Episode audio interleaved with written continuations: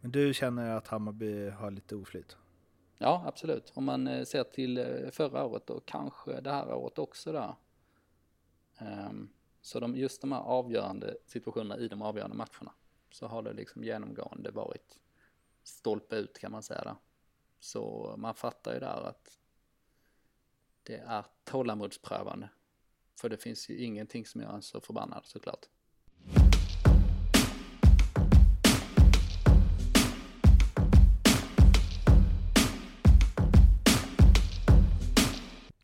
Det här är Fotboll Stockholms podcast och nu ska jag banne mig få rätt på vilket avsnittsnummer det är. Jag brukar ju lägga till cirka 100 på varje.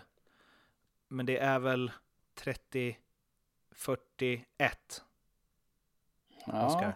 Jo, det är det. För förra, sen förra avsnitten blev det vi gjorde så började vi ju med eh, att dela upp och göra en halvtimme drygt om eh, varje lag istället för att bunta ihop dem i samma podd. Och då blir det också tre, tre nummer upp, så vi, snart är vi vid hundra om vi fortsätter i den här takten. Ja, nu kör vi på. Nu kör vi på. Eh, och det motsogs ju väldigt gott, får man säga. Ja, det var nästan bara eh, positiv respons på det. Mm. Och bra effekt på siffrorna också. Mm. Så vi, vi tolkar det som att vi är rätt ute, så vi fortsätter på det här helt enkelt. Mm. Du gjorde väl någon liten poll också?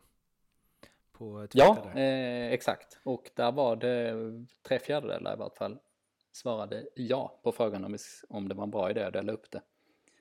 Vi gillar när ni är tydliga. Exakt. Så så kommer vi att eh, fortsätta. Och det här, om ni inte redan eh, listat ut det av titeln, är ju då ett eh, bayern avsnitt och som sig bör i de här Bayern-avsnitten så brukar vi ju börja med att prata om ett eh, exklusivt, kan man kalla det, kort. Inte ett VIP-kort, men ett VIB-kort som Sefina, som är sponsor till Fotboll Stockholm eh, och till Hammarby har. Och vad är det här för kort, Oskar? Det är ett eh, kort som man har i mobilen som ger dig en, ett antal eh, rabatter och som ger dig möjlighet att vinna olika saker. Som eh, oftast är kopplat till Hammarby. Eh, och den stora saken som ligger i potten som man kan vinna om man skaffar det här kortet, som är gratis, är ju att man kan få en eh, logeplats på eh, derbyt den 22 september, Hammarby-AIK som ju då är VIB-matchen där de är eh, matchsponsor.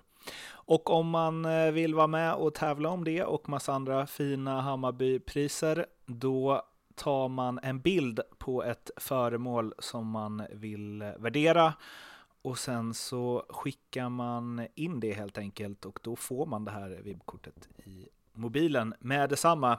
Och för att läsa mer om det här så är det bara att surfa in på vib.sefina.se så står allting övertydligt där. Så tusen tack Sefina för att ni är med Fotboll Stockholm och om du håller på Bayern gå in och gör det här för det finns liksom bara bra grejer med det.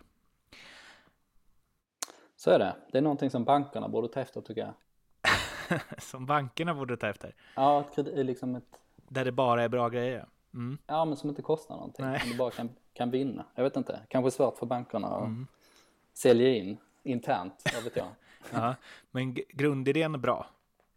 Ja, det tycker vi. Och kunden har ju alltid rätt. Så Exakt. om det är några banker som lyssnar på det här eh, så kör, kör på den linjen. Nu ska vi snacka om den matchen som Hammarby spelat sen sist. De mötte Kalmar på Guldfågeln Arena, ledde med 2-0 trots en utvisad keeper, men tappade i eh, slutskedet och det blev 2-2 till slut. Och efterspelet handlade ovanligt mycket om eh, domarinsatsen man kan väl säga att det var ungefär 0% av folk med Hammarby-sympatier som tyckte att eh, domaren gjorde en OK-match. Vad tyckte Oskar Månsson? Ja, det är väl ganska lätt att säga att det var en dålig domarinsats. Um, och eh, de här reaktionerna saknar ju nästan motstycke i år tycker jag. Mm. Det är ju ett speciellt läge på säsongen. Hammarby behöver vinna för att ta igen i toppen och hade ju en rätt säker ledning där med 2-0. 1-0 var ju efter 1-0 eh, stod det ju när Davor Blasevic gjorde sin Schumacher light tackling eh, mm. och åkte ut. Eh, och också en helt galen grej. Men det var ju solklart solklar utvisning. Ja, det är inte så mycket att snacka om precis. Um, men efter det så gjorde ju Tankovic där 2-0 målet och det är ju liksom, det är det här förlösande målet som de gör och då räknar ju alla supportrar hem de där poängen. Och det är en sån, liksom den skönaste av alla segrar.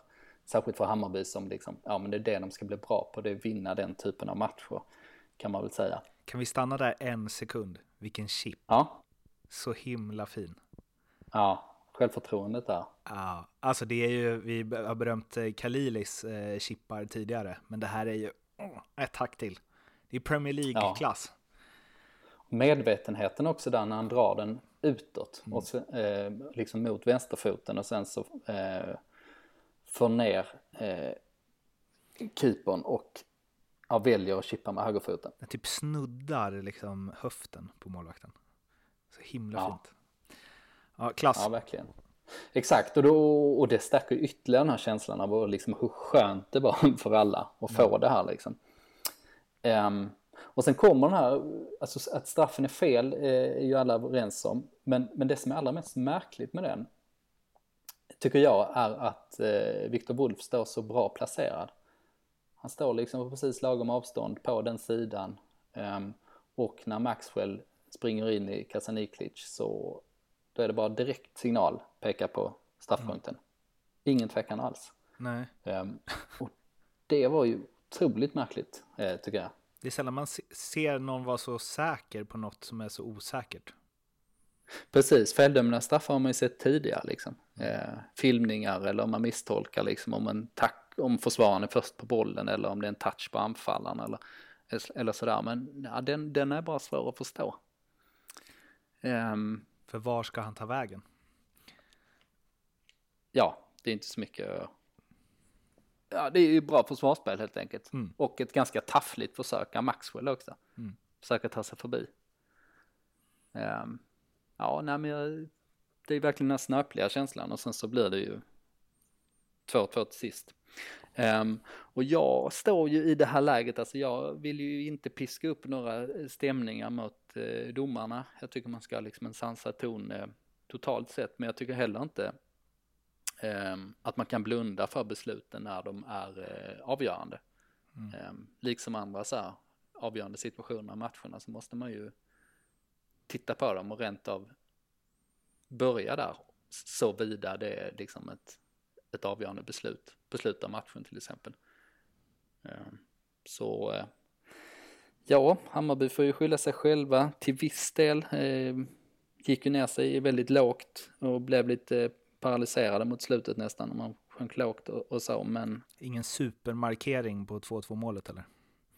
Nej, precis. Det är ju inte ett lag som vet hur de ska försvara till liksom 100% som har en tydlig plan liksom, utan det, det var ju någonting annat.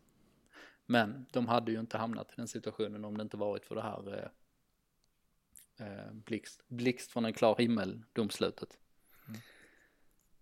ja. Då har vi ju en tidigare AIK-tränare vid namn Andreas Alm, som ju nu är i BK Häcken som ni har koll på, som jag kommer att tänka på, för han har ju varit, och det är ju flera med honom ska tilläggas, Alexander Axén är ju stark förespråkare av det här också, att det inte finns någon tur eller otur i, eh, ja, i livet, tror jag de är inne på. Det gäller inte bara fotboll. De är alltid bra att ta upp i sådana här diskussioner. Mm. De passar liksom in jävligt ofta kan man säga. Mm. För då, jag tror att Andreas Alm i det här, å andra sidan har han ju gnällt på domar några gånger, så det går inte riktigt ihop.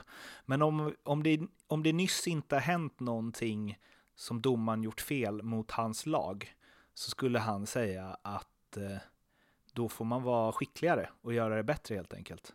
För att eh, domaren är en del i spelet och bla bla bla.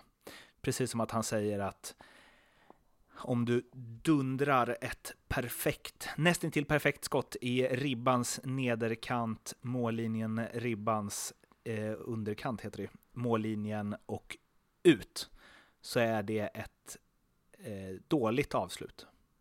Och om du eh, skjuter på ett knä på en back och bollen är på väg 10 meter utanför, men sen styrs in och rullar in när målvakten är på väg åt andra hållet, då är det ett bra avslut. För att, eh, ja, bra avslut är mål och dåliga avslut, eller icke-mål är dåliga avslut. Och det här eh, jag vet inte vad jag... Alltså, eller så här, jag håller absolut inte med honom i hela turgrejen. Men samtidigt med domaren så finns det ju någonting att så här, domaren gör fel ibland. Och om man är... Om det inte är helt, helt horribelt med massa konstiga domslut så... Mm, så får man väl se till att vinna ändå. Ja, precis, men jag tycker man ska dela upp det där lite. Eh, för att jag förstår ju också det liksom ur ett ledarperspektiv. Alltså internt finns det ju ingen poäng att, att, gå runt och hålla på och älta till exempel det här domslutet. Mm. Det är ju bara dumt att göra det. Um, att när man väl går vidare så får man uh, strunta i det och se till förutsättningar så som de blev. Okej, nu blev det 2-2, då ser tabellen ut så här liksom, nu jobbar vi vidare. Det är ju rätt sätt att jobba där, men, men om man betraktar det utifrån så behöver man inte förhålla sig till sånt. Um, då kan man bara konstatera att det var fel eller att ett lag har haft eh, otur en match eller har tur. Um, det hade ju varit konstigt om man, om man liksom, liksom försökt eh, argumentera för att liksom slumpen inte spelar roll. Mm. Det blir ju eh, märkligt då liksom. För det är klart att det, det är slumpen som avgör eh, en del av utfallet liksom. Så är det ju bara. Eh, och vad det gäller domarna där och, och det här jämnar ut sig eller inte resonemanget. Det är en e-, evig fråga som det träts om. Eh, men där tycker jag också det är ganska självklart att eh, nej, det finns ingen konspiration eh, mot något eller något lag. Eh, man kan väl säga statistiskt sett att storlagen eh, gynnas kanske. Det tror jag man har kunnat se lite eh, så statistiska exempel på. Ja, definitivt ute i bland stora ligorna är det ju så. Precis, och i den grekiska ligan låter jag bli att ta in här för då, då gynnas alltid vissa storlag. Mm. Um, men eh, liksom om man, om man då eh, i Hammarbys fall liksom ska försöka ja, snacka om att det finns något mönster som gör att Kalmar gynnas mot Hammarby i en allsvensk match. Då är man nu ute på rätt eh, djupt vatten. Mm. Däremot, Hammarby, de hade ju otur i fjol med de avgörande besluten i de avgörande matcherna. Eh, jag gick igenom dem, både, både derbymatcherna mot AIK till exempel. Eh, där var det ju några, ett par beslut som, avgörande beslut som eh, var felaktiga och sen var det liksom ett, utöver det några 50-50 situationer sådär som gick mot Hammarby kan man säga. Ehm, så de har ju haft en hel del motflyt kan man ju säga länge, så man förstår ju den här eh, frustrationen. Och jag argumenterar för att det inte jämnar ut sig i längden. Alltså man, om, man, om man ska ha något liksom statistiskt säkerhets, säkerställt så, så måste man ju ha eh, jävligt många eh, exempel. Och i det här fallet liksom över en säsong så är det ju inte sådär jättemånga sådär rent avgörande domslut som det handlar om kanske i matcher som står och väger. Det räcker ju liksom inte. Eh, vad vet jag, om det är liksom 10 sådana över en säsong eller 20 över en säsong så kan det ju slå lite hur som helst liksom. Mm. Hade det däremot varit 1000 sådana över en säsong så hade det förmodligen jämnat ut sig ganska bra. Men eh, så är det ju inte. Och det får man bara köpa helt enkelt. Nu ska jag säga emot dig bara för att säga emot dig. Men mm. finns det inte något i att också nu har ju du inget eget intresse i det förstås, och support, när supportrar gör det så är, skulle jag säga att det till 99,9% är så som jag säger nu, men också att det är så här, lite vad man letar efter, det hittar man ju. Ja, visst är det så. Den logiken är solklar och alla lag anser sig själva vara motarbetade. Mm. Um, när jag skrev de där bloggarna i, fjol, uh, då var ju man kan ju lugnt säga att jag förlorade opinionen på sociala medier, alltså mot AIK-supportrarna då. För jag argumenterar för att de hade haft flyt med domsluten. Ja.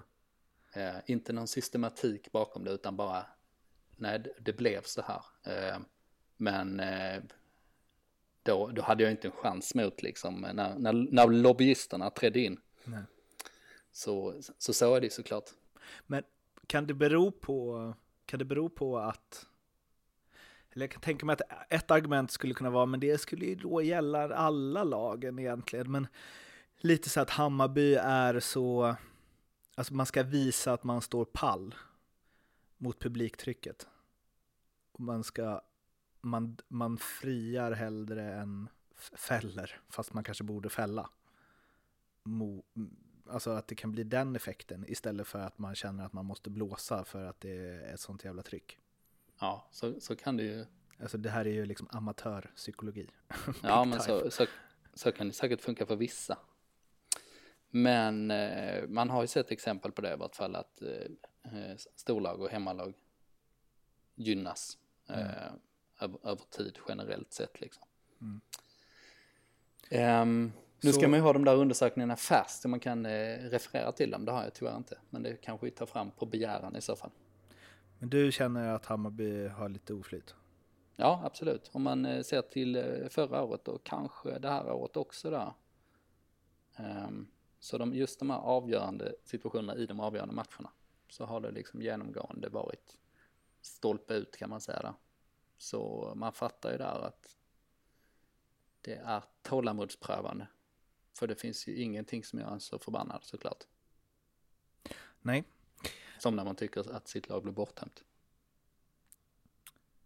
En annan eh, grej som Bayern har lite oflytt med är ju det här eh, naturgräsunderlaget. Exakt. Otur eller inte. Mm. Jag har ju en tanke kring det, om jag får börja. Mm. Och det är ju att, eh, eh jag tror jag var Robert Lauli jag läste, att Hammarby kan inte vinna på naturgräs och så vidare. Och visst, det gör de ju inte, men samtidigt om man kollar på vilka matcher eh, som eh, är på naturgräs i Allsvenskan, så om jag inte är snett på det så är det AIK, Malmö, Göteborg, Helsingborg, Kalmar och rättelse från förra avsnittet, Falkenberg, som spelar på naturgräs och inte konstgräs, som vi sa då. Mm. Och som Hammarby inte har mött än, får man lägga till också. Exakt. Och om man ska bryta ner de här i match för match så kan man väl säga att på förhand så är AIK borta och Malmö borta matcher där Hammarby, det jag skulle säga att en poäng är bra gjort. Ja. Och eh, noll är inte hela världen. Det är nog två matcher som man kan tänka sig att förlora, eller ja, om man ska förlora så är det två matcher som man ska göra det i. Göteborg borta, också svår i år har den ju varit. Helsingborg har ju alltid varit starka på Olympia. Nu har de ju haltat rejält på senare tid. Men det är väl också att beräkna som en hyfsat tuff bortamatch egentligen. Och Kalmar har ju också haft det kämpigt, men det är inte heller någon given. Alltså det är också två matcher där man säger, ja, kryss är väl OK i alla fall. Eh, även om man förstås helst vill vinna dem. Sen så är det klart att de ska slå Falkenberg när de möter dem. Men det blir, lite, det blir lite märkligt att säga att man är dålig. Det är för få matcher på naturgräs och framförallt så är det mot bra lag. Det hade varit, hade varit väldigt intressant att se om lagen som spelar på naturgräs var Sundsvall, AFC, vad vet jag, Örebro och så vidare. Eh, och se om den statistiken stämde där också. För jag tror ju att ja, eh, Bayern hade haft svårt mot AIK, Malmö, Göteborg borta, även om jag hade varit på konstgräs. Ja, det är en bra poäng. Eh, för det är ju, det är som du säger, det är ju liksom, det är klart över snittet i svårighetsgrad totalt sett. Mm. Så, eh, ja, men jag tror jag landar någonstans mitt emellan där. Eh, att eh, det är en faktor, men kanske inte så stor som man gör den till. Nej. För att ja, Hammarby tränar på konstgräset och de har ett lag, eh, framförallt de offensiva spelarna, eh, som passar väldigt bra på det. Liksom, att man har byggt upp ett spelsätt som, eh, och man har eh, värvat spelartyper också som är bra på eh, snabbt underlag helt enkelt. Så jag ser ju faktorn, eh, men jag köper också ditt eh, resonemang ganska mycket, kan man säga. Och där är det också så här vad man vill argumentera för, men jag menar, de har spelare som har spelat i Premier League på naturgräs eh, i sin offensiv och i landslaget. Så att mm. de skulle vara sämre på naturgräs. Ja, kanske spelidémässigt laget som är helhet och hur de vill spela fotboll. Men eh, någonstans är det också så att om är man en tillräckligt bra fotbollsspelare så spelar det inte så stor roll vilket underlag man spelar på. Eh, däremot visst, de tränar på konstgräs och ja, det mm. kanske tar lite tid att vänja över, men jag tänker nog att det är för, jag, jag tänker att det behövs mer eh, lättare, lättare bortamatcher och mer, fler matcher för att kunna dra den slutsatsen att Hammarby inte kan vinna på naturgräs. Mm. Dessutom satte ju Billborn in två grässpecialister den här matchen. Mm. Den det moderna fotbollen. ja, precis. Ja. Eh, nej, det kanske inte bara var underlaget, eh, det kanske var motstånd och liksom tänkt matchbild och sådär också, men eh, det hade nog en del med det att göra. För att trots 6-1 i den förra omgången eh, så bytte han ju ut både eh, Widgren och eh, Fällman och satte in Magyar och Solheim. Som kanske är lite mer eh, Eh, fysiska spelare som gillar den typen av matchbild. Den brunkar på lite bättre ehm, och det visade sig att vara ett eh, väldigt bra drag för att eh, Solheim gjorde en, ja, en stark match och väldigt fint 1-0 mål. Ehm, och Magyar var ju nästan bäst i backlinjen tyckte jag i Hammarby efter en väldigt svag debut. Härom, ja nu för två omgångar sedan var det väl, eller var det tre omgångar sedan. Så gick han in och var riktigt stabil helt enkelt.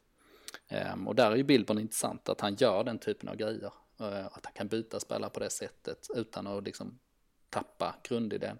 Eller till exempel att han kan byta ut um, ytterbackar om de inte levererar i den första halvleken till exempel. Uh, har vi sett exempel på ganska många gånger. Kanske det som är framtidens recept för Hammarby, att de får liksom ha en, en konstgräselva och en naturgräselva. Ja, behöver lite större budget bara tror jag. ja. Om man inte hittar de extrema naturgrässpecialisterna. Det känns som att det finns några sådana som kanske ändå är billiga. De skulle aldrig skeppat så Johan Persson och sådana. Han känns ja, som att han, han, är stark där. Jag får um, värva in honom nästa säsong där, till, till eh, gräselvan. Ja. Uh, och här känner jag, uh, om man hade velat göra två sådana älvor den allsvenskans bästa konstgräselva och allsvenskans bästa naturgräselva. Det, måste, alltså det, det finns ju säkert någon som bara gjort mål på naturgräs och sånt. Säkert, med statistik kan man bevisa allting. Ja.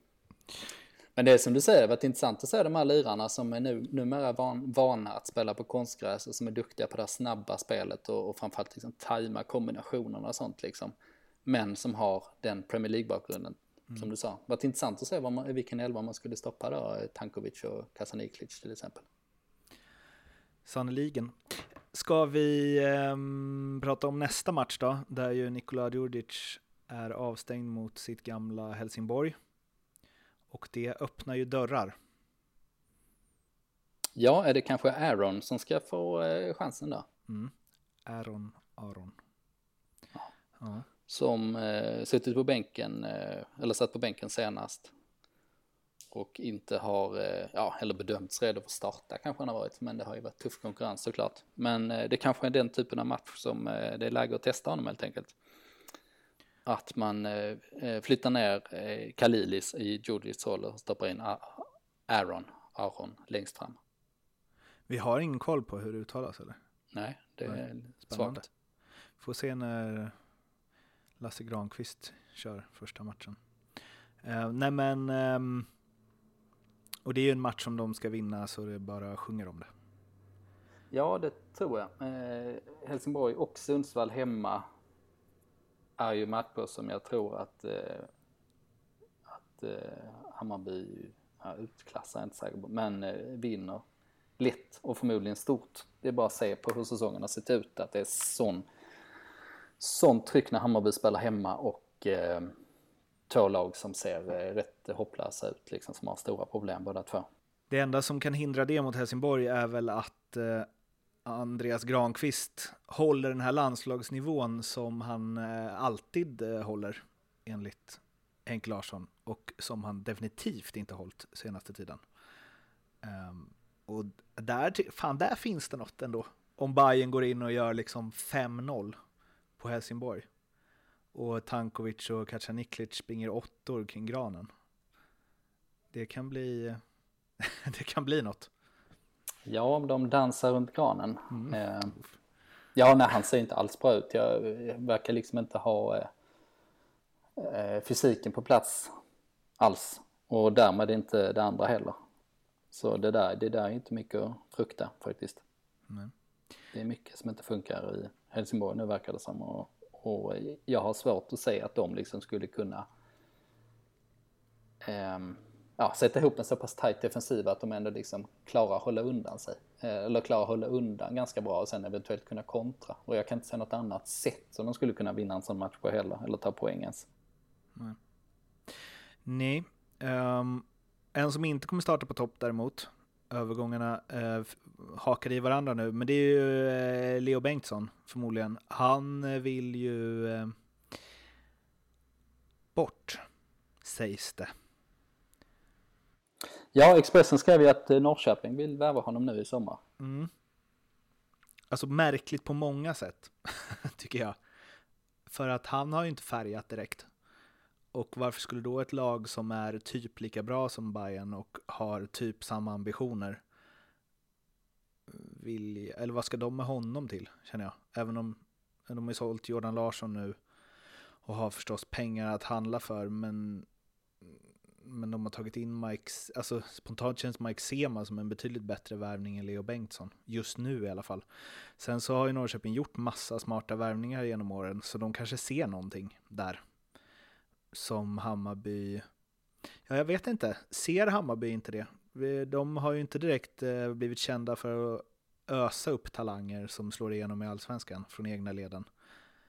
Och han var väl en av dem som man hade lite till, eller hopp om där.